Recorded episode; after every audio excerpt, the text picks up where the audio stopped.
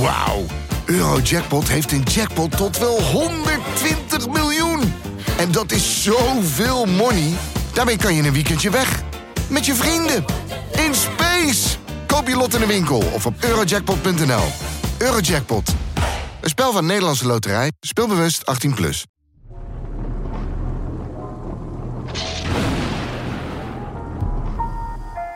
Hallo en welkom bij een nieuwe rubriek hier bij VI, genaamd VI ZSM, waar Pieter en ik jou zo snel mogelijk op de hoogte gaan brengen van de actualiteit in het voetbal. Piet, vanavond meteen een hele belangrijke wedstrijd voor PSV uit bij Monaco. En jij had al vooraf gezegd, een hele zware dobber.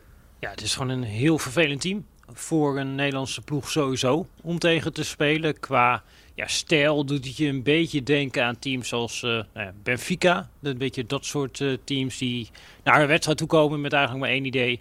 Nou, we willen deze wedstrijd winnen. En hoe dat gebeurt, dat is uh, ja, volledig secundair. Erg gericht op defensieve organisatie. Dus als je ernaar kijkt, het is niet dat je naar deze wedstrijden gaat kijken en dat je denkt, zo, die gaan even PSV van de mat voetballen. We weten ook, dit wordt gewoon twee keer 90 minuten wordt het uh, ja, trekken en sleuren om überhaupt tot kansjes te komen tegen dit team. En ja, niet echt leuke wedstrijden waarschijnlijk om naar te kijken. Meestal waarschijnlijk als je dit zegt, dan wordt het uh, spektakel, spektakel, ja, ja, ja, ja. Nee, maar dat ligt uh, totaal niet in de lijn der verwachting. Als je naar de Franse competitie kijkt vorig seizoen, dan gaven zij het open spel de minste kansen weg van de hele Franse competitie. Dus ook minder dan de ster defensie van uh, Paris Saint-Germain. Hm. Dat zegt denk ik wel iets over de defensieve kwaliteit van dit elftal. Ja, Feyenoord moest natuurlijk vorig jaar in het schitterende Conference League run opnemen tegen Olympique Marseille. Daar was jij bij. Zeker. Dat was een heksenketel.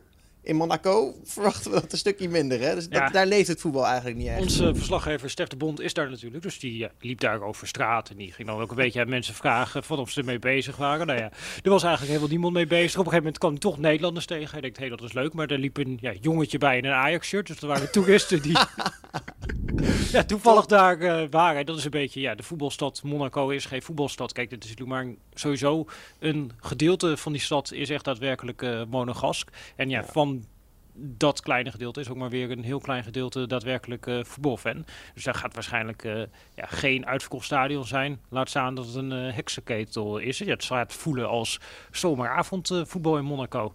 Wel lekker, maar het gaat ook wel echt ergens om. Ja, nee, het gaat om hele belangrijke knikkers inderdaad. kleine voorspelling en dan gaan we door naar het binnenlandse nieuws. Mijn voorspelling is een hele vervelende 1-0 voor Monaco. Oh. Kan het vanaf nu alleen maar meevallen voor de mensen. Ja, nee, dat scheelt inderdaad. Hey, verrassing, er werd gisteren bekendgemaakt dat uh, Richedi Bazour naar AZ gaat. Ja, erg leuk. Ja, superleuk. Je ziet het tegenwoordig eigenlijk bijna niet meer. Meestal als nu het transfer wordt aangekondigd, dan denk ik, ja, ja hallo, leuk uh, dat die transfer er nu rondkomt. Maar dat weten we eigenlijk al drie weken. Je hebt, dat gaat met 17 tussenstadia tegenwoordig. En dit was weer zo'n ja, ouderwetse transfer die eigenlijk uit de lucht komt vallen bijna. En die ook niet uh, aan ziet komen. Ik heb Fabrizio Romano direct ontvolgd. Nadat ja. ik dit nieuws uh, bij ons voor het eerst had gelezen. Nou ja, er komt uh, Frederik Micho, die gaat natuurlijk naar Galatasaray. En hij moet, uh, hij moet de vervanger uh, worden. Nou, wat wel een interessante keuze is van AZ. Zie je het werken? Ja, daar heb ik toch wel wat twijfels bij. Omdat eigenlijk, als je naar de carrière van Bassoer gaat kijken... is de beste periode natuurlijk gehad uh, in de periode dat hij ja, eigenlijk als libero speelde bij uh, Vitesse in een driemans uh, defensie. Dat ja, is eigenlijk een positie waar zijn kwaliteit het best tot uiting komen. En ja, op het middenveld heeft hij nooit eigenlijk over een hele lange periode een heel hoog niveau gehaald. Omdat hij ja, aanvallend eigenlijk ja, net niet goed genoeg is om een creatieve middenvelder te zijn. En verdediger is eigenlijk niet betrouwbaar genoeg om een controlerende middenvelder te zijn. En misschien nu die iets ouder is dat het beter is geworden. Maar ja, dat moet ik nog maar zien. Het is wel een uh, ja, transfer uh, ja, die prikkelt. Ja. Alleen het is niet per se een transfer van ik denk... Ik durf er een fortuin op te zetten dat dit een succes gaat worden. Nee, ook andere transfers. Laten we paar geruchten erbij pakken.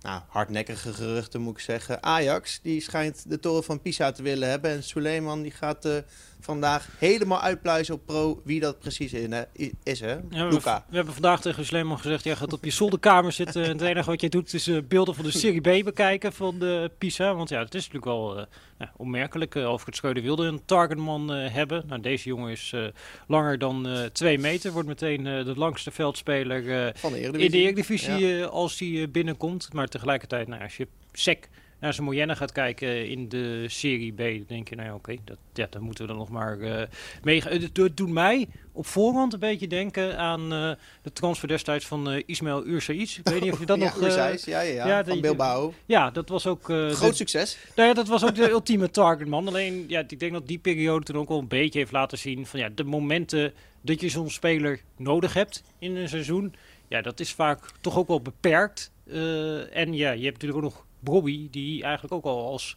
in zo'n soort rol kan fungeren. Dus ja, ik uh, ben benieuwd hoeveel we hem daadwerkelijk uh, aan het werk gaan zien. Ja, er wordt een bedrag genoemd van 10 miljoen euro voor een Serie B-speler die niet heel veel scoort. Ik vind het belachelijk eigenlijk. Jij? Nou ja, het is wel een uh, gok. Dit gaat natuurlijk waarschijnlijk eerst met een uh, huurconstructie. Dus dan neemt het risico uh, iets af. Maar je weet ook nooit natuurlijk hoe zo'n deal in elkaar zit. of er een soort van verplichte optie tot kopen op een gegeven moment bij zit. Of min of meer verplichte optie. Maar dat is natuurlijk een enorme gok die Ajax dan neemt. Wat ook wel een beetje laat zien ja, wat de verhoudingen in de Eredivisie zijn. Daarom is natuurlijk nu ook op weg naar de uitgang. Kopenhagen willen ja, huren. Kopenhagen willen weer terughuren. Ja, dit heeft eigenlijk 12 miljoen voor betaald. Ja. Dat, dat is uh, ja, voor andere clubs is dat uh, de recordtransfer. Uh, voor Ajax was dat een gokje voor de bij. En dat gaan ja, ze nu weer doen. Ja, en dat in deze categorie spelers heeft Ajax in de afgelopen jaren echt best wel een indrukwekkende lijst miskopen opgebouwd. Uh, mm. uh, met ook uh, de ras van uh, Marines en de Rasmus Christensens van de, deze wereld. Nou ja, Marga die nog steeds bij de selectie zit. Je kunt zo, nee, ik, zag, ik zat tegen Almere City, zat ik die wedstrijd te kijken. Komt Bandé binnen de ploeg, denk ik ook. Ja, dat is toch ook weer 8, 9 miljoen. Ja, ja dat is een ongelofelijke lijst. en dat heeft een ongelofelijke hoeveelheid geld gekost. Uh, je weet natuurlijk nooit op voorhand. Maar ja, hij wordt natuurlijk niet bepaald gehaald als eerste spits. En dan denk je toch van... Nou, ik vind dat een enorme gok voor uh, dat bedrag. Zou ik misschien niet zo snel doen. Nee, Feyenoord is ook... Uh, nou, is niet echt aan het gokken, maar die hebben ook een speler op het oog, hè? Ja, uit uh, Amerika, de MLS. ze zijn natuurlijk al de hele voorbereiding op zoek naar een linksback sinds het vertrek van Malaysia. Dat was de enige linksback, dus ze hebben de hele voorbereiding gedaan zonder linksback. Mhm. Mm -hmm. En nu nou, lijkt er dan eindelijk een linksback aanstaande. Een Peruaan uit Amerika. Hmm. Die uh, moet uh, die kant uh, op komen. Ja, San Jose Earthquakes speelt hij. Nou, ja, ja, je, je doet een navraag in Amerika met mensen die in de MLS werken. Nou, die zijn best wel positief over hem. Ik vind dat wel een nou ja, goede speler. En je moet wel er nog... Kijk, dus diezelfde mensen... Toen ik ze ging vragen naar uh, Cole Bassett... waren ze ook positief. uh, en daar hebben we niet zoveel van gezien. Dus dit, dat voorbehoud uh, ja, moet je wel er altijd bij maken. Maar nou ja, ook afgaande op wat beelden, statistieken... krijg je een beetje de indruk van een speler die in ieder geval positioneel sterk is. Ja. en ja, hoe dat zich dan vertaalt naar de Eredivisie... dat gaan we zien. Goed, wat kunnen we vandaag nog meer verwachten op VI Pro?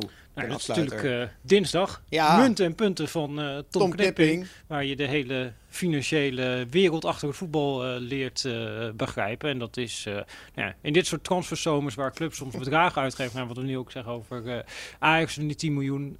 ja, dat, dit, dat is de perfecte rubriek om even erachter te komen van waar betalen ze het van? Ja. Uh, en hoe kan dit eigenlijk? Uh, wat uh, ja, je in zo'n zomer toch eigenlijk elke dag wel een keertje afvraagt. Dus daarvoor munten en punten en VE Pro. En blijf vooral ook VZSM volgen. Want we gaan dit nu elke werkdag doen. Ja. Hele seizoen. Hele seizoen. En op VI.nl, podcastkanalen en ja, waar al niet meer.